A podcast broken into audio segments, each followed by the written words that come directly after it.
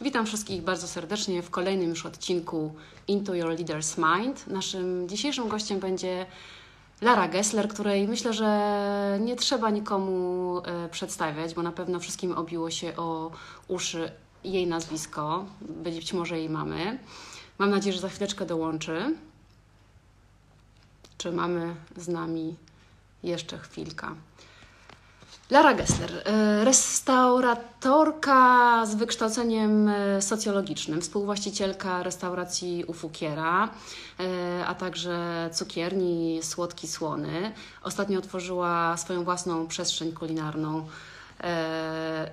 Wydała jedną książkę, Słodki Zielni Klary. Dołączymy Larę.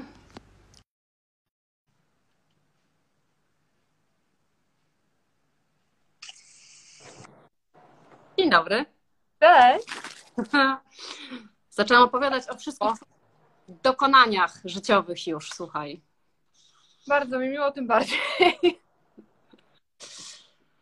Jeszcze raz. Lara Gessler, restauratorka, wykształcenie socjologiczne. Zaraz się zapytam, jak to się stało i co ci to dało tak naprawdę. Współwłaścicielka Ufukiera i Słodko-Słonego, a teraz też nowej przestrzeni kulinarnej autorka jednej dopiero książki, ale też słyszałam, że będzie kolejna już niedługo. Przyszła mama. E, I co? Lara, jak to jest? Takie moje pierwsze pytanie, które niestety nasuwa się, tak próbowałam ominąć je w swojej głowie, ale mi się nie udało. Jak to jest żyć e, z nazwiskiem Gessler? Trudno czy łatwo? Wiesz co, mówiąc szczerze, to nie wiem, jak jest żyć z więc to jest na pewno jedna rzecz, która jest zarazem ułatwieniem, jak utrudnieniem w tej sytuacji, żeby odpowiedzieć Ci na to pytanie.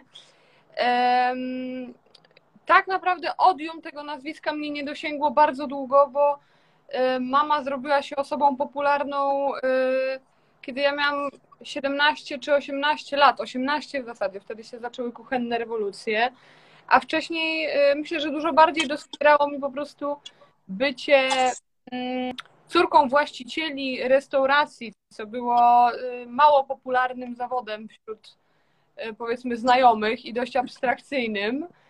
E, więc, więc to było dla mnie dużo bardziej tak jakby trudne niż, y, niż sama kwestia tutaj nazwiska Gessler czy cokolwiek. Więc ja się, ja robiłam wszystko, żeby jako właśnie córka właścicieli miałam bardzo duży kompleks tego, że nie jestem członkiem zespołu, ludzi, y, członkiem tych, którzy są, wśród tych, którzy są zarządzani i że każdy traktuje mnie y, w jakiś sposób inny, bo próbuję albo skorzystać jakoś, żeby się wkupić w moje łaski, żeby było łatwiej w pracy, albo że wiedzieli, że w latach 90. dobrze nam się powodziło, więc można było się zahaczyć na jakiś wyjazd, więc miałam problem z tym, że przez to, że ludzie postrzegali mnie z perspektywy córki właścicieli, to byli nieszczerzy mnie, więc ja robiłam wszystko, żeby, żeby się sprawdzić i jak najszybciej wtłoczyć się w to, żeby być w grupie. I to chyba tak naprawdę dużo bardziej odcisnęło piętno niż y, potem mama czy jej powiedzmy popularność. Myślę, że dużo bardziej. A jak stałaś się już takim pełnoprawnym współwłaścicielem e, tych biznesów, to zmieniły się te, ta dynamika tego postrzegania przez ciebie ludzi, bo tak jak mówisz, że kiedyś oni próbowali się, ty też to ładnie czytałaś, prawda, że to było jakieś nieszczere, e, trochę jakoś pewnie kumoterskie. Czy to jest tak, że jak już stałaś się współwłaścicielem, to w którym momencie byłaś w stanie sobie zweryfikować te przyjaźnie, wiesz, te prawdziwe i te nieprawdziwe? Czy to było trudne, czy nie? Wiesz co, ja bym nigdy w życiu nie była w stanie być właścicielem, gdybym e, się nie sprawdziła. I tak naprawdę od 12 roku życia e, każde wakacje przepracowałam, bo właśnie strasznie chciałam być w drużynie, chciałam być w ekipie i, i pracowałam w bardzo różnych miejscach, oczywiście na początku za darmo, byleby być członkiem zespołu. Mm, no i potem takim przełomowym chyba wydarzeniem, dwoma przełomowymi wydarzeniami było to, jak pojechałam najpierw do Hiszpanii pracować na kuchni do bardzo małego relais chateau gdzie bardzo słabo znałam wtedy hiszpański. To była gigantyczna lekcja e, samotności dla mnie, bo nie miałam ani internetu tam, ani nie chciałam dzwonić, żeby nie napisać rachunku, więc miałam dwa miesiące pracowania na zmianę i słuchania Grzesia Turnała i płakania w poduszkę, ale była to e, super, super lekcja. No a potem, a potem był Londyn, który był naprawdę bardzo poważną lekcją. bo y, gdybym nie, gdybym nie wyjechała do Londynu y, z własnym, że tak powiem, portfolio i nie pochodziła do drzwi, nie dostała pracy za własne umiejętności w miejscu, gdzie nazwisko Gessler nic nie znaczyło, to myślę, że nie miałabym czelności zarządzać ludźmi, bo nie wiedziałam, czy to, że ktoś mówi, że ja coś dobrze, dobrze ugotowałam, dobrze zrobiłam, to czy to jest prawda, czy ktoś właśnie próbuje się podlizać. Więc i łażenia od drzwi do drzwi. Dostałam wtedy pracę w gwiazdkowej restauracji mm, w centrum Londynu. Było to bardzo trudne, ale przynajmniej ja sobie udowodniłam, uwierzyłam trochę we własne siły i powiedziałam, dobra, no skoro ja to mam, to nie jest y, wymyślone, tylko faktycznie ktoś powiedział, o, umie gotować, o, nadaje się i się tam utrzymałam, to, to dopiero wtedy miałam jakąkolwiek odwagę do tego, żeby stanąć przed zespołem, który był, y, który mnie wychowywał. Niektórzy z tych ludzi przebierali się dla mnie za świętego Mikołaja. I ty malką, która ich kryje jak palą fajki, żeby cię lubili, tylko jesteś osobą, która musi od nich wymagać. I to jest bardzo, bardzo trudne, żeby to w sobie zbudować. Czyli jakie teraz masz miejsce w tym zespole? No bo pewnie musiałaś też go sobie jakoś zbudować, prawda? I zdefiniować. Kim ty tam jesteś w tym, w tym nowo powstałym zespołem z tobą razem? Wiesz co, ja jestem pośrednikiem, bo z jednej strony oni e, doskonale i szanują to, że ja poza byciem szefem kuchni przeszłam, byłam na każdym stanowisku i robiłam wszystko w restauracji, co można robić. Poza szefem kuchni i księgowym, bo to też by nie. Um, więc, e, więc ja z jednej strony jestem osobą, która jest na miejscu i patrzy im na ręce, więc oni już wiedzą, że nie jestem do końca koleżanką. Jestem wieku, a czasami jestem młodsza. Ale z drugiej strony na pewno jestem tą osobą od wszystkich miękkich problemów.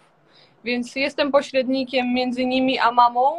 Jestem sekundantką na 100%, bo mama też no, w tej chwili, kiedy um, tak naprawdę pracuje totalnie zdalnie, bo 280 dni w roku ma samych kuchennych rewolucji, po prostu jej nie ma, y, to, no to ona ma no, zarządzanie telefoniczne i nagle jak przychodzi, przyjeżdża po 10 dniach, to ma ochotę wszystko przewrócić do góry nogami. Muszę być tą, która powie spokojnie, tak jakby tu jest jakiś porządek rzeczy, nie wolno wszystkiego od razu y, wywalać, bo to jest też normalne z jej strony, że po prostu też chce zaznaczyć swoją obecność w momencie, kiedy nie może pracować nad tym na co dzień. No ale jednak to jest zespół, który widzi się codziennie, mają swoje przyzwyczajenia, swoje rytuały i też to trzeba uszanować, że ta praca wygląda zupełnie inaczej na co dzień. No. Więc ja jestem tą sekundantką, ja jestem tą trochę nudniejszą, tą pośrodku, tą, która y, mamie tłumaczy ich, a y, ich tłumaczy mamę i tak, chyba ta dyplomacja zawsze była gdzieś y, takim we mnie bardzo mocno. Ale dobrze się z tym czujesz, prawda? Będąc gdzieś tam po środku tego wszystkiego. Wiesz co, ja się w tym czuję doskonale, dlatego że y, mi zawsze bardzo pasował drugi rząd. I ja mam y, dość mimo wszystko serce mm, po lewej stronie mocno połączone i i taki mój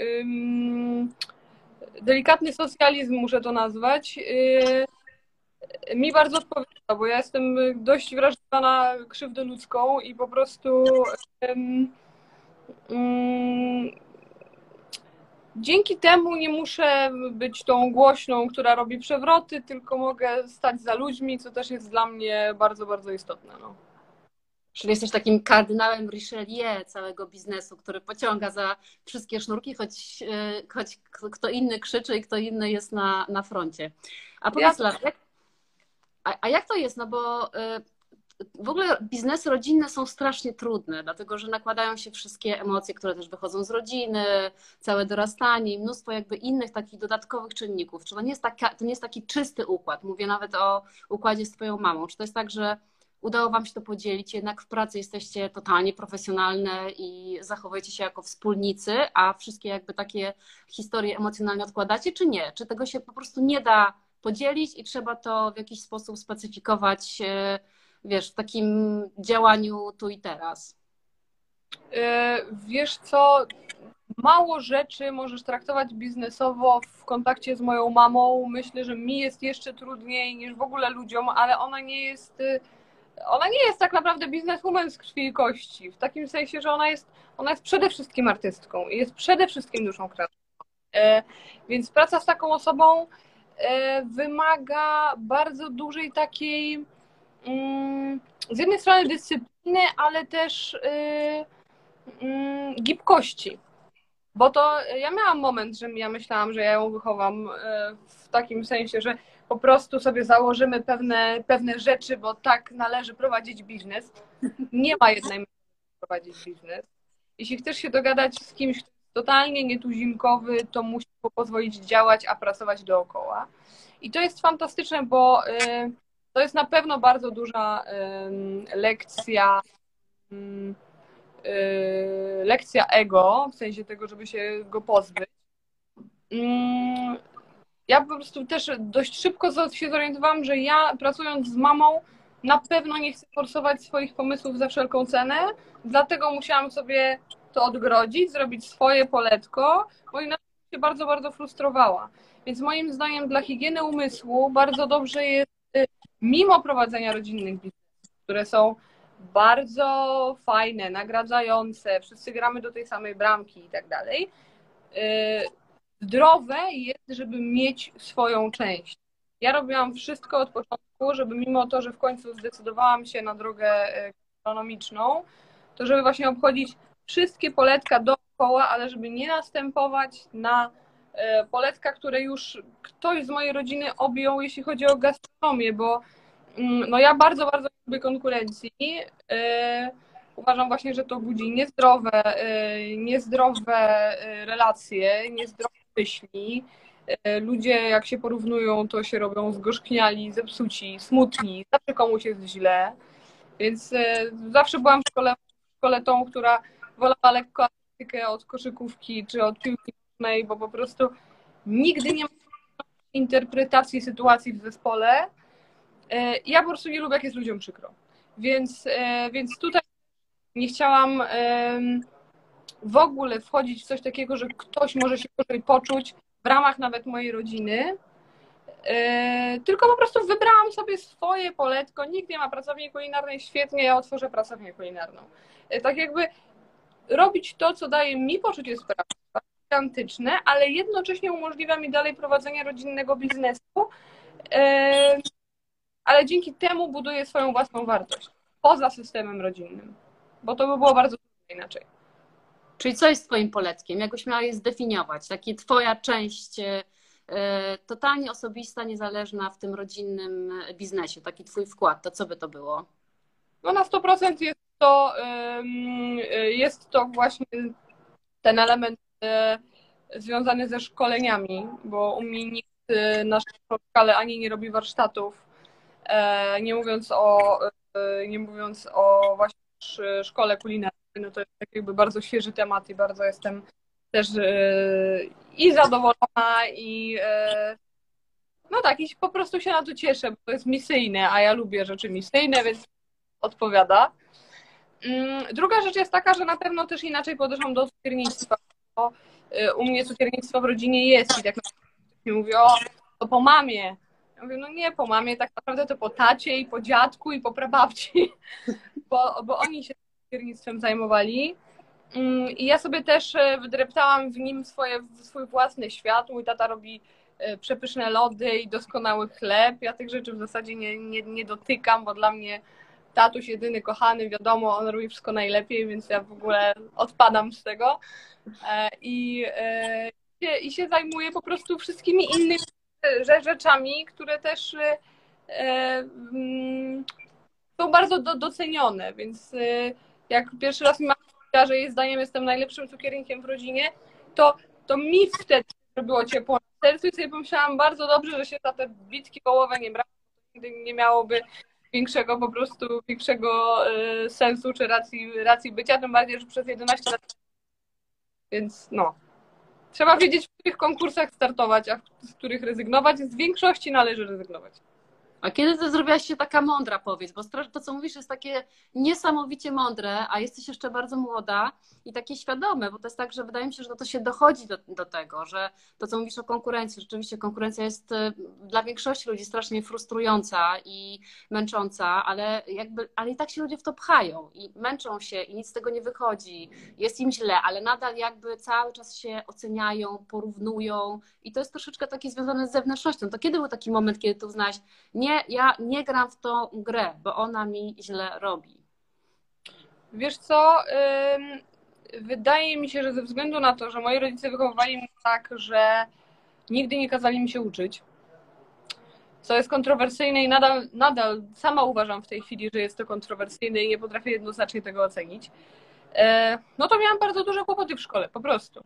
Zawsze w niedzielę ból brzucha, że jutro poniedziałek, co ja powiem, jak się będę, jakie będę robić uniki, żeby po prostu nie stawić czoła tej całej wiedzy, która, która jest mm, i tym wszystkim niespełnionym zadaniom, a u mnie było takie ewidentnie żyjemy chwilą, nieważne, nikt tu mnie nigdy nie było na wywiadówce, no to, totalny po prostu e, e, to totalny masz tak naprawdę. I kiedy poszłam do liceum, mój brat mi kiedyś powiedział, mówi, Sara, jak E, pójdziesz do liceum, to zacznij się uczyć, bo będziesz miała tyle korepetycji, co ja. Pamiętałam jego 7 lat starszy ode mnie chłopak, który po prostu non-stop był na korepetycjach. I to na mnie tak zadziałało. On oczywiście nie pamięta nawet, że mi to popowiedział, ale ja przekroczyłam próg liceum i nagle przestałam się spóźniać. Tak diametralnie. Oczywiście to trochę też w, w antagonizmie do, do mamy, bo to też tak wychodzi często. I zaczęłam się uczyć, ale w tym momencie wiedziałam, że to, co ludzie robią w godzinę, bo y, uczyli się całe życie, mi będzie zajmowało cztery. Mhm. W tym momencie ja już wiedziałam, że jeśli będę brała y, normy z konkurencją na siebie, to zawsze przegram. I jedyne, co mogę mieć, to mogę mieć pewną łaskawość wobec siebie i mogę mieć cierpliwość wobec siebie i po prostu przestać się stresować że coś nie jest zgodne. I e, tak naprawdę bardzo dobrze mi to wyszło i e, no ta moja nauka nie była idealna, ale mimo to od klasy liceum już miałam stypendium i tak było przez całe studia i dobrze poszło. Mm, ale nadal wszystkie moje metody musiały być inne niż wszystkich innych. Więc wtedy nagle zrozumiałam, że tak jakby w imię czego ja się mam porównywać to mi daje tylko frustrację, nieszczęście. Zawsze na tym wychodzę gorzej. Yy, I pamiętam to takie licealne, słowne yy, mm, przekrzykiwanie w klasie maturalnej, wszyscy przychodzili rano zmordowani ja to siedziałam do drugiej, ja to do czwartej. To jest lepszy. Więc to przecież to jest totalny absurd. To, że jedni ogarniają, jedni wolą się uczyć rano, drudzy wieczorem, tutaj tak jakby budujemy nasze poczucie własnej wartości na czymś takim, to to jest abstrakcja, więc tak. ja poczułam, że okej, okay, to nie są moje zawody. Ja w ogóle zmienić paradygmat, yy, postawić ten świat po swojemu, żeby zdołać yy, odpowiedzieć na pytania, które ten świat mi, mi zadaje, a ja odpowiadać muszę, bo maturę muszę zdać. Yy, ale wiedziałam, że to, co dzieje, to co jest ogólnie przyjęte nie jest dla mnie. I w momencie, kiedy sobie z tego zdałam sprawę, to naprawdę poczułam bardzo dużą ulgę, a po tej uldze przyszły efekty i to było chyba najbardziej niesamowite. Czyli jest taki moment, że trzeba się sobą zaopiekować i swoimi potrzebami, prawda? I przestać jakby zwracać uwagę na to, co jest na zewnątrz.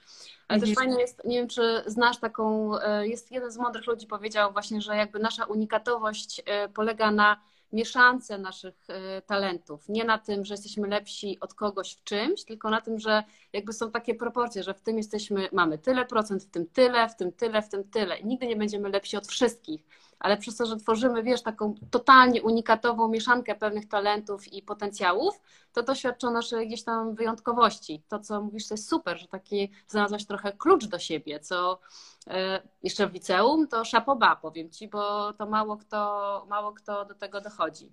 A skąd powiedz się wzięła ta socjologia? No bo gdzieś tam, e, czy, czy to był ten przejaw buntu wobec, wobec rodziny gastronomicznej, tego, że jednak nie chciałaś iść w tym kierunku i stwierdziłaś, że zostaniesz czymś innym, czy, czy, czy nie wiem, czy jakoś z zupełnie innego powodu pojawia się ta socjologia? Wiesz co, ja wiedziałam, że y, studia tak naprawdę nie mają sensu w cudzysłowie, jeśli się nie studiuje tego, co się chce, y, bądź y, jeśli się nie idzie na prawo lub na medycynę. W sensie, że musisz skończyć studia medyczne lub studia prawnicze, żeby być lekarzem lub, y, lub prawnikiem, ale y, jeśli tak nie jest, to skończ cokolwiek, co Cię interesuje i po prostu wykorzystaj ten czas, żeby czytać rzeczy, które Cię interesują, a potem i tak rób, co chcesz. Bo czasy tego, że potrzebujemy wykształcenia zawodowego, już tak naprawdę się skończyły dawno.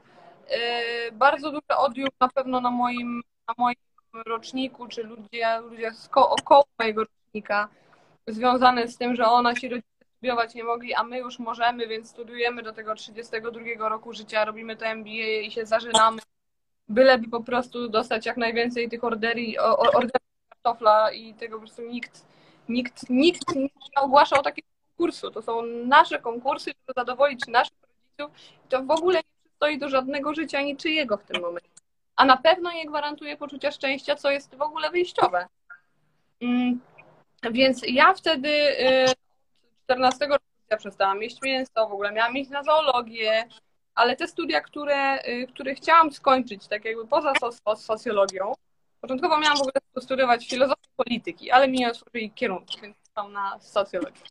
Ale, ale te studia, które chciałam poza tym, czyli to była zoologia, e, gastronomia tak naprawdę mało się przytaczała, to były studia, które były kosztowne, były zagraniczne, a ja wtedy miałam bardzo dużo dumy co do samoutrzymywania się i przez to, że y, od dziewiątego roku życia tatą, czyli mm, wbrew obiegowej opinii nie jestem finansowana przez mamę od tamtego czasu. Y, i z tatą żyliśmy bardzo skromnie i bardzo fajnie, mm, a ja no, nie mogłam prosić o pieniądze, to tak było takiej opcji, y, więc, więc po prostu zostały mi takie studia, które były fizycznie dostępne. Więc jeśli nie chciałam y, zajmować się akurat krowami na, y, na zootechnice, bo nie do końca o to mi chodziło, raczej jakieś grizzly mnie interesowały i takie tam, y, no to po prostu te nauki społeczne, do, przy których byłam ideologicznie, bo miałam bardzo mocną ideologię w, w czasach liceum i prawie wszystko mnie bulwersowało, taka stara malutka troszeczkę. Mm, więc to był naturalny wybór, żeby się tą socjologią e, zająć wtedy. I bardzo doceniam te studia, bo, bo po prostu poczytałam bardzo dużo fajnych rzeczy i porozmawiałam z bardzo wieloma fajnymi osobami. No. A chciałabyś coś jeszcze studiować? Takiego bardziej konkretnego, jak jesteś już starsza i świadomsza, czy uważasz, że to nadal nie ma sensu? Czy jednak jest? Uważam, że studia w tych czasach są luksusem. E, tak jak dla mnie gotowanie jest luksusem, bo po prostu jest życie w międzyczasie i jest wiele rzeczy do robienia. Mm, ale chyba po prostu z, mam teraz inną drogę samodoskonalenia i najwięcej się uczę rozmawiać z mądrymi ludźmi, tak naprawdę różnymi ludźmi, bo czasami ludzie sami nie wiedzą, że nas uczą. E, a po prostu wietrzenie głowy, nie zamykanie się na środowisko, tylko rozmawianie z jak największą ilością osób powoduje, że po prostu nie kisi ci się to wszystko, ani się y, nie mm, zapiekasz we, we własnej głowie, w poczuciu własnej doskonałości, tylko cały czas się wietrzysz i cały czas się konfrontujesz i cały czas wątpisz. Tak jakby ja jestem ewidentnie y, tak zwolenniczką tego, że nie przestawajmy wątpić, zadawajmy cały czas pytania, e, uczmy się od siebie nawzajem, po prostu wyłączmy włączmy oczekiwania wobec świata, troszeczkę oczekiwania wobec siebie i słuchajmy. Słuchajmy ludzi i rozmawiajmy. To jest najlepsza szkoła moim zdaniem w tej chwili. Masz takie pięć osób, tak zwanych dysraptorów. Podobno też jest super sposób właśnie na, na wietrzenie głowy. Jeżeli masz takie pięć osób, które są z kompletnie innych, dziwnych światów, typu mhm. E, pan strażnik, albo pan taksówkarz, albo jeszcze ktoś, nie wiem, pani kwiaciarka, albo taki naprawdę z innych światów, którzy, którzy właśnie pokazują ci ten świat z innych, innych e, kompletnie stron. Masz takich ludzi? Albo co ostatnio słyszałaś takiego naprawdę, coś tak, właśnie takie disruption zrobiło w głowie? Przypominasz Wiesz, coś? Mam dużo takich ludzi przez to, że pracuję w gastronomii. To powoduje, że masz e, ludzi bardzo eklektycznych, z bardzo różnym światopoglądem. Też w obliczu ostatnich wyborów mogłam się tym, z tym konfrontować. Oprócz tego, poza ludźmi, których poznaję fizycznie, to jestem bardzo responsywna na Instagramie i bardzo lubię Instagram za, za to, że ten próg wejścia, bariera wejścia w dyskusję jest żadna i ja bardzo chętnie takie dyskusje podejmuję. Mm, więc e, i pewnie nie mogłabym Ci powiedzieć pięć osób, bo to za szybko rotuje. Wiesz, mhm. masz swoje ulubione osoby, które obserwujesz, e, ale, mm, ale tak naprawdę przeglądam się w każdej, w której mogę. No. Dobra, a powiedz, jak to jest z tymi pieniędzmi? Powiedziałaś, że byłaś y, mogę powiedzieć, zbyt dumna na to, żeby poprosić mamę o pieniądze, a jak, jaką w ogóle rolę te pieniądze zgrywają? No bo jak prowadzisz własny biznes, otwierasz różne rzeczy, robisz pewne działania jednak takie biznesowe, czyli nie poszłaś do pracy w korporacji, nie siedzisz tam od 8 do 16 e, wypełniając Excele, no to jednak trzeba myśleć o tych pieniądzach. To jakie one mają znaczenie i jak sobie, jak sobie z tym radzisz? W sensie jak, jak zarabianie, jak, jak zarabiasz i czy to jest ważne? E, wiesz co, e, zarabiam Raz lepiej, raz gorzej, bardzo różnych źródeł. Jedyna zasada co do y, takiej stricte, nie wiem, strategii finansowej, jeżeli możemy to tak nazwać, to jest po prostu tylko to, żeby dywersyfikować źródło dochodu. Hmm. E, I to jest jedyna rzecz, której pilnuję, to znaczy, żeby po prostu mieć parę źródeł, z których kapie stąd, raz stamtąd. Ale ja jestem osobą projektu i w ogóle to jest też do mojej rodziny, za moim tatą że my się strasznie szybko nudzimy i musimy robić, e, e, musimy robić tyle rzeczy naraz. Więc u mnie te projekty się przekładają, przeplatają e, i finansowo są to bardzo różne rzeczy. Czasami robisz coś dla pieniędzy, żeby potem zrobić coś w ogóle za darmo. Sama doskonale wiesz, jak to jest. Mm, ale dzięki temu, że miałam właśnie bardzo duży przeskok z tego, że z mieszkania y, razem z rodzicami w domu w Łomiankach pod Warszawą, gdzie miałam swój pokój z huśtawką i własną łazienką i półtorej hektarowy y, ogród. Przeskoczenie do 45-metrowego y, mieszkania na Bemowie mm, z moim tatą, gdzie byłam też najszczęśliwsza na świecie, pozwoliło mi dość szybko załapać, że nie ma gorszego niż przyzwyczaić się do faktu posiadania pieniędzy. Więc, e, a jeszcze moim rodzicom jestem też bardzo wdzięczna za to, że e, oni mi nigdy nie powiedzieli, że wyjechanie do pięciogwiazdkowego hotelu, w, którym, w których bywaliśmy często w latach 90., versus wyjechanie do, do, do dziadków przepalowych i jeżdżenie na siano, to, że jedno jest fajniejsze od drugiego. I ja nigdy nie poczułam, żeby jedno było fajniejsze od drugiego. Za to jestem im bardzo, bardzo wdzięczna, bo w tym momencie czy zarobię w miesiącu 5, 10 czy 1800, to ja sobie jakoś poradzę, bo, mm, bo ile mam zabezpieczone oczywiście tą bazę, to ten nadatek bardzo miękki. W sensie mm, nie przyzwyczajam.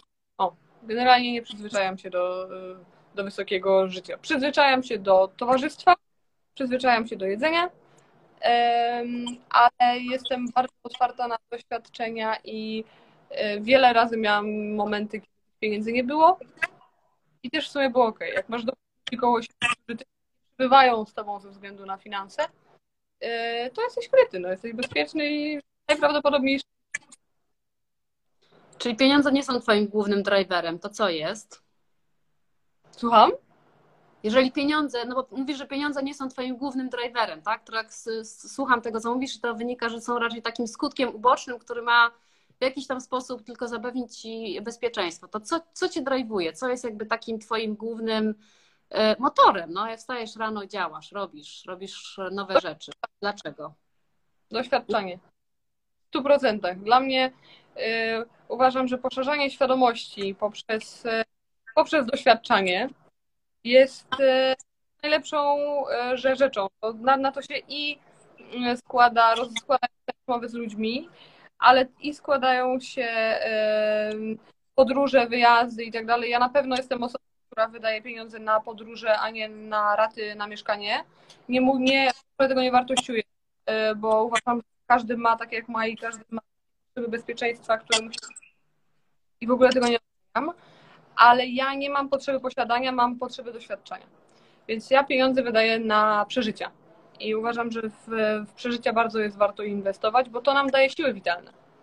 I ta witalność jest dla mnie najważniejsza, więc jeśli coś mnie pcha do przodu, to po, po pierwsze pchają mnie do przodu nowe, yy, nowe doświadczenia i rzeczy, które po prostu mnie jarają i lubię je robić. Cały czas lubię robić nowe rzeczy, więc wynajduję coś nowego, żeby po prostu podpompowywać cały czas ten poziom ekscytacji i adrenaliny.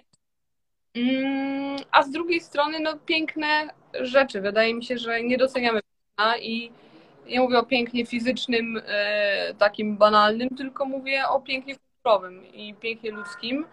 I trzeba się jak najbardziej ponować na to piękno, czyli po prostu chodzić do muzeów, oglądać sztukę, e, wychodzić do parku. Jakkolwiek by to wszystko nie brzmiało, musimy się nasycać tym pięknem, bo jeśli będziemy piękno oglądać, to będziemy pięknie żyć i wprowadzać piękne życie ludzi, co prowadzi po prostu prosto do, do szczęśliwości i do tego, żebyśmy bardziej szanowali otoczenie, co też jest, e, no, też jest super. No.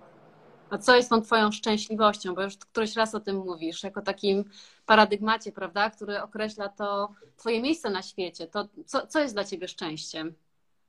No, szczęściem jest dla mnie yy, wolność, spokój, yy, miłość oczywiście, bo to, bo, bo to wiadomo. Yy, I to, żeby Yy, przede wszystkim szczerze, żeby po prostu ludzie nie yy, ludzie sobie nie przeszkadzali żyć szczęśliwie.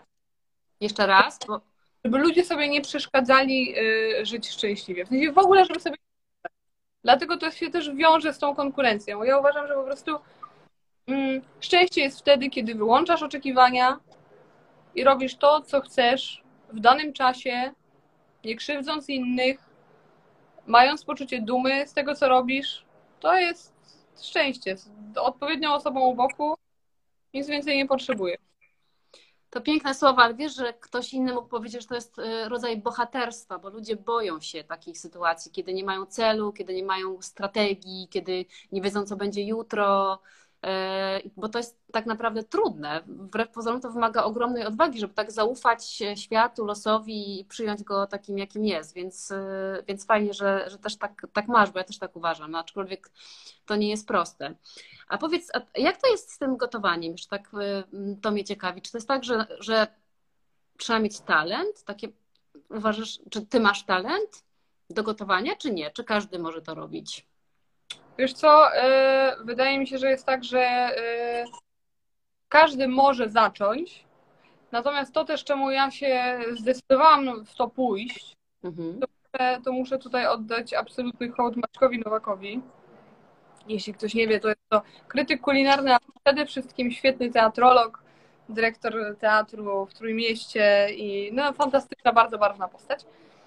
E, kiedy powiedziałam Maćkowi, że mając tam chyba 16 lat, że to nie, ja tu tutaj właśnie będę zmieniać świat inaczej i socjologia i nauki społeczne i taki idealizm bardzo wprost.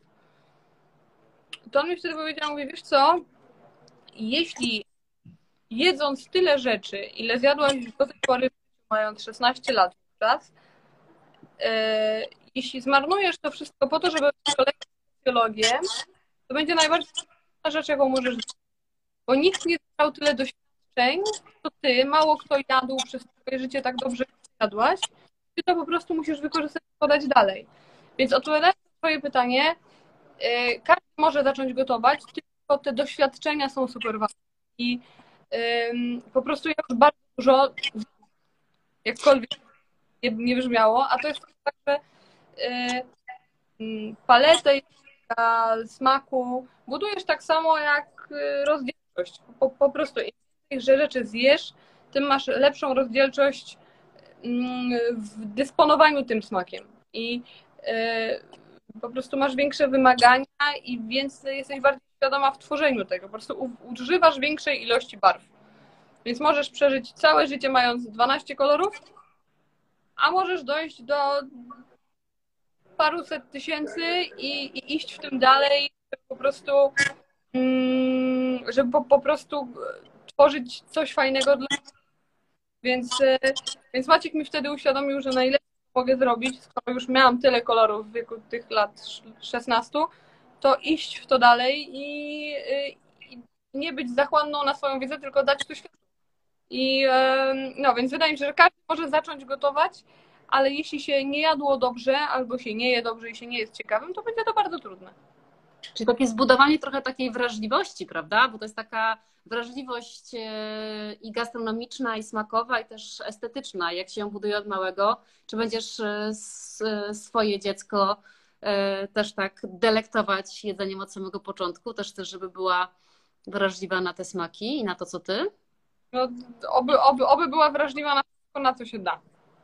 Więc, więc będę starała się oczywiście ją eksponować na wszystko, natomiast to będzie osobny człowiek i, i być może ona powie, że generalnie ryż z keczupem mama i, i, i spadaj, no i, i też będę musiała to uszanować, może będzie szukała gdzieś indziej, to też będzie ok. No ja na pewno e, mm, byłam wychowywana też w duchu takim, że nawet jak nie chcesz, próbuj i próbuj wszystkiego. E, I tak też będę pewnie wychowywała e, swoją małą, ale mm, no ale też na razie jestem mistrzem teorii. Ale też jesteś mistrzem braku oczekiwań, więc wydaje mi się, że Twoja teoria może świetnie przejść w praktykę i tak naprawdę wszystko się może super e, udać. A powiedz, a masz takie, mm, miałaś takie momenty, które możesz nazwać porażką albo lekcją, taką, która rzeczywiście, że tak powiem, świat ci dokopał i wyniosłaś z tego taką dużą lekcję, którą chciałabyś się podzielić? Wiesz co, tak naprawdę to Londyn był taką lekcją. Londyn był taką lekcją, bo ja e, po pierwsze weszłam naprawdę w duże buty. E, początkowo no, dostałam, dostałam pracę w jeszcze innym miejscu jako szef partii, e, mając za, zarządzać tam sześcioma innymi osobami w, w Sheratonie e, e, w centrum Londynu. I wtedy powiedziałam, że nie biorę tego, bo po prostu pierwszy raz, może nie pierwszy, ale trzeci raz będę pracowała w hotelu i na pewno nie jestem w stanie zarządzać zespołem. Więc to też była taka że sam smak y, to jest zupełnie inna sprawa niż kwestia zarządzania personelem czy, czy trzymania zespołu, grupy. Więc wtedy z tego zrezygnowałam. Y, myślę, że w mojej trzeciej pracy, w drugiej pracy w Londynie, y, mm, mój dzień próbny był bardzo porażką. E, mimo że się dostałam. Ale Jak dostałam... wyglądał? Wiesz co, wyglądał tak, że pamiętam, że wtedy musiałam zrobić trzy petifury, czyli to takie jakieś małe, e, małe takie słodycze plus jeden e, deser taki talerzowany. I wymaganie tam było zrobienie mm, makaroników, których ja wtedy w życiu nie robiłam. Mieszkałam w takim mieszkaniu, w którym nawet nie mogłam sobie tego sprawdzić. E, więc, więc w skrócie w dniu e, próbnym pierwszym w życiu robiłam makaroniki. Mm, no i mówiąc naj, naj, najprościej, nie wyszło mi to w ogóle. I się wzięłam od razu za to, że zaczęłam to robić drugi raz, analizując szybko, co tam mogło nie pójść i tak dalej, i tak dalej. I tak naprawdę dostałam pracę przez upór. Przez co, przepraszam? Nie usłyszałam. Upór. Przez upór?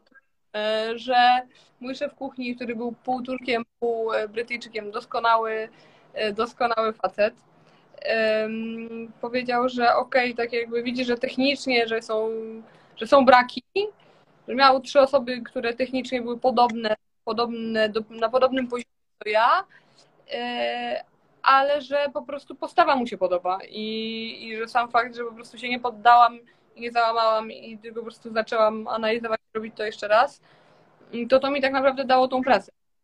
Więc y, takich momentów, y, to są małe momenty takiej kompromitacji, kiedy się, y, musisz po prostu powiedzieć, tak, no biję się w pierś, idę dalej i, i nie obchodzę problemu, tylko gdzieś go sobie łuskać powoli i, i wy, wyjdę z tego, no, więc więc, więc, więc to, były, to były chyba tego rodzaju, tego rodzaju yy, małe porażki, które zwykle się zatrzymywały na moim umyśle. I, yy, no i tak, i to czasami jest dużo tru, trudniejsze niż spektakularna klapa w innych. No.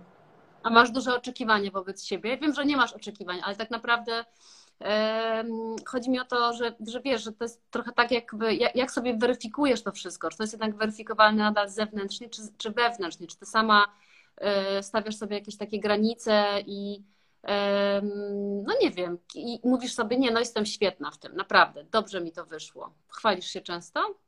Chyba, chyba, się, chyba się nie chwalę, mówiąc szczerze. E, nie chwalę się wcale, ale wiem kiedy, wiem kiedy, e, wiem kiedy mogę się poklepać po ramię i dobra, uff, fajnie, wyszło to, w sensie w ogóle, że wyszło. I, i są rzeczy, w których wiem, że jestem dobra, co nie znaczy, że nie mam liny za każdym, za każdym razem, nie znaczy, że nie mam wątpliwości. Więc to są takie małe challenge, które za każdym razem, kiedy coś robię nawet 15 raz, to tak czy inaczej, chociaż w sumie też naturą moja jest to, że ja rzadko kiedy robię coś 15 raz. Raczej robię wszystko po raz pierwszy, drugi, trzeci ewentualnie. Więc to mi całkiem odpowiada, bo jest ta adrenalina właśnie cały czas. A z drugiej strony, wiesz co, jeśli chodzi, oczekiwania moje wewnętrzne są takie, że y, to są oczekiwania związane z tym, że dążę szybko przystosować do, do zaistniałej sytuacji, głównie to się odnosi. A jeśli chodzi o oczekiwania zewnętrzne, słuchaj, jest y, tyle ludzi, w sensie 90% mają totalnie wyrobioną opinię. I cokolwiek bym powiedziała, y, to nie ma znaczenia, czy nawet oni, oni mnie nigdy nie posłuchają, nie będą tego wiedzieć. Powiedział polski e, bardzo naukowiec, e, problem jest taki, że ludzie nie mają wiedzy, mają opinię. I ja się trochę z tym skonfrontowałam i już się z tym pogodziłam, że ludzie zawsze będą myśleli, że mam robotę przez mamę, mam pieniądze przez mamę, generalnie, że jak rodzina królewska nic nie osiągnęłam w życiu i tak dalej. Jakby trudno. Y, klientów przekonanych nie przekonasz, więc jedyne co możesz robić, to robić swoje, budzić się z uśmiechem na ustach, powiedzieć sobie, dobra, fajnie, to poszło, lecimy dalej. Ale ja mam to, lecimy dalej, jest u mnie takie cały czas, że, że nie ma momentu przestoju, przez to, że cały czas są projekty na zakładkę, to, to, to cały czas tak jakby jestem y, na jakiejś tam fali, jak na nie jednej, to na drugiej. A jesteś prawdziwa na Instagramie, bo wiesz, na Instagramie jesteś e, dokładnie zaprzeczeniem tego, co powiedziałaś przed chwilą. Jesteś super sympatyczną, otwartą, e, pozytywną, mądrą osobą. To jest prawda wszystko? A czy wiesz co, moim zdaniem masz, masz jeden wizerunek, no nie masz kilku wizerunków. To, że są ludzie, którzy nie chcą cię słuchać, no to oni mnie nie słuchają. Ja na Instagramie mam ludzi, którzy chcą słuchać. Więc, e, więc do nich jestem taka, jaka jestem. Inna nie potrafię. Wiesz, E, natomiast e, po prostu, po prostu musisz zaakceptować to, że ludzie nie są ciekawi. I mhm. tyle. Są ludzie, którzy są bardzo ciekawi, a są ludzie, którzy nie są ciekawi. I im jest dobrze z ich opinią taką, jaką mam. Więc mm, a po prostu oduczyłam się całe szczęście, żeby ludzi przekonywać. I przekonywać ich do siebie za wszelką cenę. Kiedy bardzo taka mądra babeczka powiedziała, bo mm, a, propos, a propos fizis. Ja mówię, no, że Boże, no, że wiem, że nie mam twarzy Sandry Kubickiej, jestem typem słod, słodkiej dziewczynki, która się super sprzedaje i generalnie każdy ją lubi, bo to jest taka w ogóle ładna, fajna dziewczyna. E, I ona mi wtedy powiedziała, mówię, słuchaj, ty masz taką osobowość e, i masz taką swoją wrażliwość, że gdybyś miała słodką twarz, słodką buzię, to ludzie by cię zajechali. Ty musisz czasem wyglądać za przeproszeniem jak suka i masz wyraz takiej twarzy, jaki masz, ostry, ostry, że ludzie dopóki się cię nie zagadają, to nie wiedzą, to jest twoja tarcza, twoja broń i nie walcz z tym. To ciebie chroni ludźmi, którzy mają się do, do ciebie nie dostać. Tak ma być. Ja jak to usłyszałam, to mówię, kurczę, no, no w sumie tak. Jakby po co masz kogokolwiek przekonywać? Żyj sobie ze sobą, bądź z tymi ludźmi, którzy chcą być z tobą i nie przekonuj wszystkich. A ja ze względu na to, że też jestem młodszą siostrą i miałam to, co nazywam syndromem młodszej siostry, trochę FOMO, a trochę zawsze jesteś gdzieś na, na doczepkę i właśnie musisz wszystkim udowodnić, że tak spoko, e, to jak się z tego wyleczyłam, to nagle mi się zrobiło tak lekko. Mówię, Boże, super. W ogóle nikogo nie przekonujesz, masz swoich ludzi koło siebie I po prostu jest, jesteś. Rewelacja. A bolały Cię te wszystkie opinie? Bo tak sobie myślę, tak jak o tym opowiadasz, nigdy o tym nie myślałam, szczerze mówiąc, że rzeczywiście takie bycie wystawioną e, cały czas na taką opinię, prawda? No jakby z różnych stron i no niestety ludzie uwielbiają hejtować. Uwielbiają hejtować dlatego, że to daje im siłę. Jednak powiedzenie komplementu daje dużo mniejszą siłę niż powiedzenie czegoś negatywnego i dlatego jest tak, że, że jakby im się wydaje, że są wtedy ważni i tutaj mają dużo do powiedzenia, bo coś powiedzą e, negatywnego. To miałaś tak, że cię to, no rozumiesz, że, że bolało cię to tak naprawdę? Wiesz co, y, no, skłamałabym, gdybym powiedziała, że to po mnie spływało y, zupełnie, bo nie jest tak. Musisz się, y, musisz się trochę, mm, za przeproszeniem, otrzaskać z tym. Musisz zrozumieć to, dlaczego się tak zachowują, e, po to, żeby móc trochę im w cudzysłowie wybaczyć i iść dalej, bo, mm, bo nie zamkniesz wszystkim ust, nie masz tego robić. E, ale przede wszystkim musisz bardzo mocno zrozumieć to, że oni nie mówią o tobie, oni mówią o ich wyobrażeniu ciebie. To nie ma nic z tobą wspólnego. Więc tak jakby nie możesz pozwolić na to, że to wpłynie na twoją własną wartość, bo, bo ci ludzie nie mają pojęcia. To jest jakiś ich wyrywek informacji, które mają, posklejali sobie i tutaj przykleili tak, a to jest Lara Gessler. Ja teraz tak jakby na to napluję, z tym się skonfrontuję, to skejtuję. Proszę bardzo, ale to jest tutaj, a ja jestem tu. I to jest totalnie, to nie może mną zachwiać, bo mm, no bo w ten sposób się niszczy ludzi. A, a dlaczego opinia wydana na podstawie ochłapów informacji na mój temat ma, ma, ma mnie blokować? Tym bardziej jak się, się zobaczy, ile ludzi naprawdę z mediów y, nisz, zniszczyło się tym. Ile osób naprawdę zniknęło z, w ogóle z pola widzenia na parę lat, no, nawet o Bogusławie Lindzie, mówiąc tak pierwsze, co mi do głowy przychodzi. Gość, który uchodzi za narodowego naszego twardziela nie dał sobie z tym rady. Więc ja y, w ogóle nie czytam portali plotkarskich żadnych. Nagłówki do mnie z tagami przychodzą oczywiście, mm, ale ja w to nie wchodzę. Bo uważam, że ludzie, którzy chcą i są ciekawi i chcą się wiedzieć, są u mnie na Instagramie, innych nie ma i ja do nich na siłę nie wychodzę. Bardzo się, się cieszę z okazji takich jak teraz, że po prostu y, mogę na Twoim podwórku, jest mi bardzo miło, y, ale, y, ale ja się na siłę nie pcham nie pcham się tam, gdzie mnie nie chcą, ani tam, gdzie naprawdę wiedzą, co mnie, mimo że mnie nie znają. No trudno. Mówiłaś wcześniej o swoim wyglądzie. Ja w ogóle nigdy w życiu bym nie powiedziała, że jesteś osobą, która wzbudza na przykład e, właśnie jakieś takie skojarzenia z ostrą kobietą albo niesympatyczną, dokładnie jakoś tak odwrotnie. Ale też, wiesz, jak tak sobie patrzyłam na ciebie przez te lata, to też przeszłaś taką, mi się wydaje, metamorfozę. I ja też zawsze uważam, że jednak to piękno zewnętrzne jest związane z, takim, e, z taką harmonią wewnętrzną. I gdzieś tam coś po drodze się wydarzyło, że, że wyglądasz inaczej, jakby y, trochę inaczej się eksponujesz światu. A powiedz mi, kiedy ty dorosłaś? Był taki moment, że poczułaś się dorosła tak naprawdę? Mm, kiedy poczułam się dorosła? Mhm. Wiesz co, wydaje mi się, że niestety dość szybko, na własne życzenie, mm, bo właśnie tak sobie żyjąc tam, to jednocześnie byłam osobą, która absolutnie taty nie chciała obciążać. Bo tata też miał taką dziewczynę, ja się bardzo słabo dogadywałam. I na pewno dzięki niej e, nie jestem osobą taka, bo widziałam, jak bardzo ona narzeka, jak bardzo on się stara sprostać jej wymaganiom. I więc trochę tak jakby czułam, że ja muszę też jego chronić. Więc e, emocjonalnie nigdy w życiu nie mówiłam jemu, jak mi jest ciężko. E, mamy gdzieś tam wtedy w ogóle wycięłam w ogóle w innym świecie i, i, i tak naprawdę nasz kontakt był no, taki niecodzienny, mm, nie taki e, pro, właśnie prozaiczny.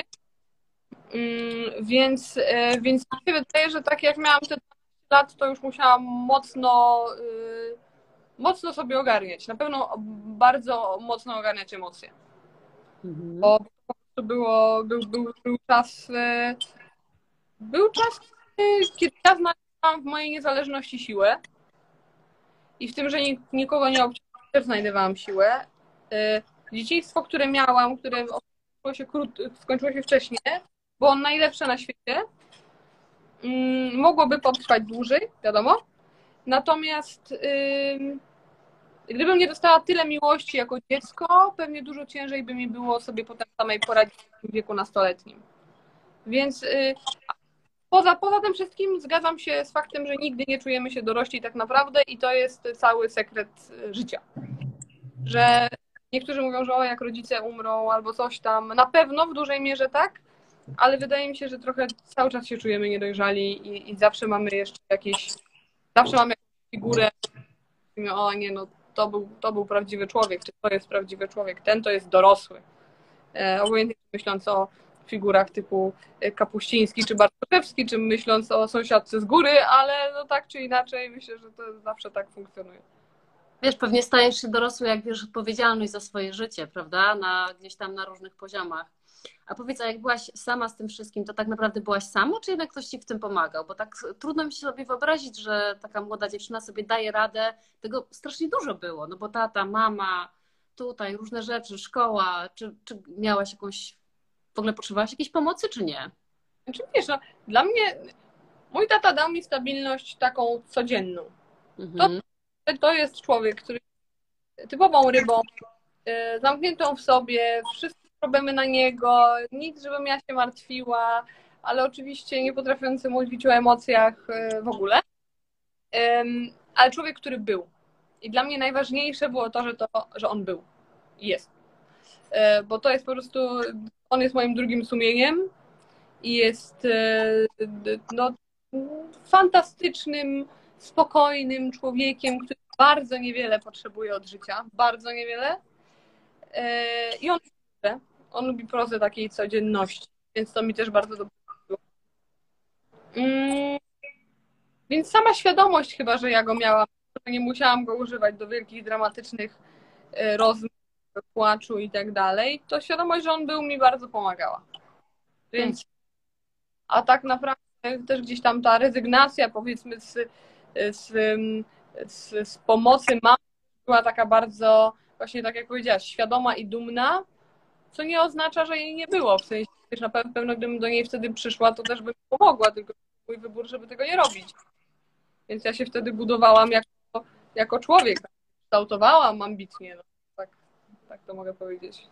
To ja mam córkę i czekam na ten moment, bo podobno córki y, trochę się tak konstruują w pewnym momencie w opozycji do swojej mamy, po prostu. Więc y, ty też będziesz miała córkę, prawda? Więc. E, wiesz, tak powiem, życzę nam szczęścia, żebyśmy ten moment przetrwały z godnością, bo na pewno nie będzie, nie będzie łatwy. Lara, powiedz, o czym marzysz tak na przyszłość? Masz marzenia? Masz marzenia czy plany? Marzenia, ewidentnie, nigdy plany. Plany nie, nie. Plany nas za bardzo wyrywają z tego, co się dzieje na bieżąco. Tutaj się, życie jest zbyt ciekawe, żeby planować. Um, Wiesz co, y, oczywiście mam dużo marzenia, to rzucam sobie tak, że o, kiedyś chciałabym to, chciałabym to, y, ale zostawiam to, nie osadzam tego zupełnie w czasie. Mm, czasami są to rzeczy bardzo kuriozalne i totalnie nie, nie pasujące do nas, czyli na przykład e, ja marzę o pracy w radio, mimo że absolutnie nie mam dykcji i do tego się jąkam. Więc jest to. Y, jest to e, ale, no ale kiedyś sobie pomyślałam, że o Boże, chciałabym mieć strasznie audycję, bardzo bym popracowała w radiu, bo, bo lubię rozmowy, w ogóle lubię rozmawiać, więc, y, mm, więc to jest coś, co jest, co jest fajne i co zawsze miałam gdzieś w głowie. Ale tak to, Boże kochany, gdyby przez całe życie było tak jak teraz, to naprawdę byłoby fantastycznie. A gastronomicznie masz tak, że na przykład jednak chciałabyś mieć własną restaurację, która byłaby kompletnie inna niż, y, niż rodziców, czy pracownia ci wystarczy na razie? Wiesz co, niestety biznesowo, y, nie ma gorszego biznesu do ratio włożonego czasu do wyjęcia pieniędzy w gastronomię. Jest to po prostu tragedia i jeśli ktoś ma takie marzenie, to naprawdę szczerze polecam je przemyśleć. Um, Lara, możesz powtórzyć, bo nie było słychać. Okej. Okay. Chciałam powiedzieć, że jeśli ktoś ma marzenie o restauracji, to naprawdę polecam je przemyśleć i może przekierować w jakąś inną stronę, bo to może się różnie skończyć. To bardzo dobrze wygląda z zewnątrz, ale trzeba naprawdę albo być totalnym cynikiem i podejść do tego zarabiania kasy, e, nie patrząc za bardzo na jakość, albo trzeba po prostu chcieć żyć w tej knajpie, być i nie robić innego, na pewno nie wydawać na to ostatnich swoich pieniędzy, tylko mieć kupę za stopą i wtedy można sobie prowadzić knajpę i się tym nie przejmować. Ale jeśli ktoś chce wydać na to swoje ostatnie oszczędności, wziąć kredyt, nie róbcie tego. E, jeśli chodzi o takie mm, mm, kwestie związane z, e, z gościnnością, kocham gościnność i to jest dla mnie w ogóle magia e, goszczenia jakkolwiek, gdziekolwiek u siebie, to chciałabym mieć kiedyś Airbnb, jak już będę bardziej leciwa i po prostu przyjmować ludzi do siebie do domu, tacek, żeby sobie jedli o 17, który będzie w salonie i tyle. W sensie uważam, że hotele i właśnie takie formuły Airbnb są mm, najbardziej holistyczną formą e, gościnności i dlatego mi najbardziej odpowiadają. Jeśli ktoś może u Ciebie zasnąć, to to jest największy komplement, jaki może być. I jakie to będzie Airbnb? Gdzieś w Polsce czy gdzieś indziej? Ale nie, nie mam pojęcia. Na pewno nie w centrum Warszawy, myślę, ale, ale nie wiem to może wiesz co, jest jeszcze tyle miejsc do zobaczenia, że, że nie wiem, no nie wiem, co się tu będzie działo. W ogóle wiesz, to jest tak trudne do, do przewidzenia. Gdzie, gdzie nas poniesie, tam będzie. Tak. Myślę sobie, że to będzie cudowne miejsce, naprawdę, bo ja uważam, że miejsca tworzą ludzie i tak naprawdę nie ma znaczenia, gdzie to będzie, ale ty też masz sobie takie e, zaproszenie wewnętrzne i ciepło, że wydaje mi się, że rzeczywiście ci ludzie, którzy przebywają z tobą, są absolutnie uszczęśliwieni pod każdym e, względem. A powiedz, a jak z sukcesami? Jest jeszcze przed tobą, czy już za tobą, czy w ogóle ci to nie interesuje? Yy, musiałobyśmy pogadać o miejscu sukcesu, a to jest ojejku, strasznie i skomplikowana sprawa. Polecam mieć swoją każdemu miarę sukcesu i chyba w życiu sobie nie pomyślałam, że osiągnęłam sukces. W takim sensie, kurczę, fajnie bo to jest, dla mnie to jest, życie się składa z tak małych momentów, że sukcesem jest to, żeby codziennie rano wstawać i, yy, i, i spędzić dzień miło, z radością i robić to, to, to, co się lubi. Moim zdaniem to jest sukces, czyli to jest znowu kontinuum, a pewien moment taki wow, że super. W sensie yy, wydałam książkę, trzeba wydać książkę, bo sobie myślę, trzeba wydać książkę. E, ale nadal, no wydałam tą książkę, mogę uznać to za sukces. Jestem szczęśliwa, że to zrobiłam, ale, ale tak naprawdę wydaje mi się, że nie jesteśmy w stanie nic zrobić, żeby powiedzieć tyle, skoń skończyłem. Wydaje mi się, że nie ma czegoś takiego. E, mm, w sensie to było smutne, takiego było, no. Hmm. Podoba mi się ta teoria, że sukces nie jest takim punktem w czasie i przestrzeni, tylko jest tak naprawdę takim, takim zbiorem E, kropek nie? w naszym życiu, które tylko odpowiednio połączone stworzą coś, co możemy nazwać e, sukcesem. Szczęściem, co można nazwać szczęściem no. celową. No. no Trochę tak jest. Będziemy musieli kończyć, ale jeszcze ostatnie pytanie. Co swoją następną książką? Bo coś słyszałam, że będzie. O czym? I kiedy? E, będzie to we wrześniu, pod koniec września, więc lada moment. Cały czas teraz piszę, bo już się zagęściło bardzo. Tak, hu, czuję oddech wydawnictwa na swoim karku. Będzie to książka o orzechach i o pestkach, tylko że też w ujęciu logicznym.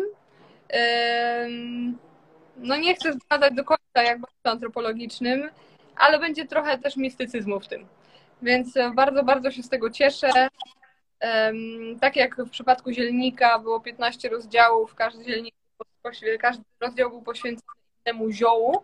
Tam to było w użyciu w cukiernicie.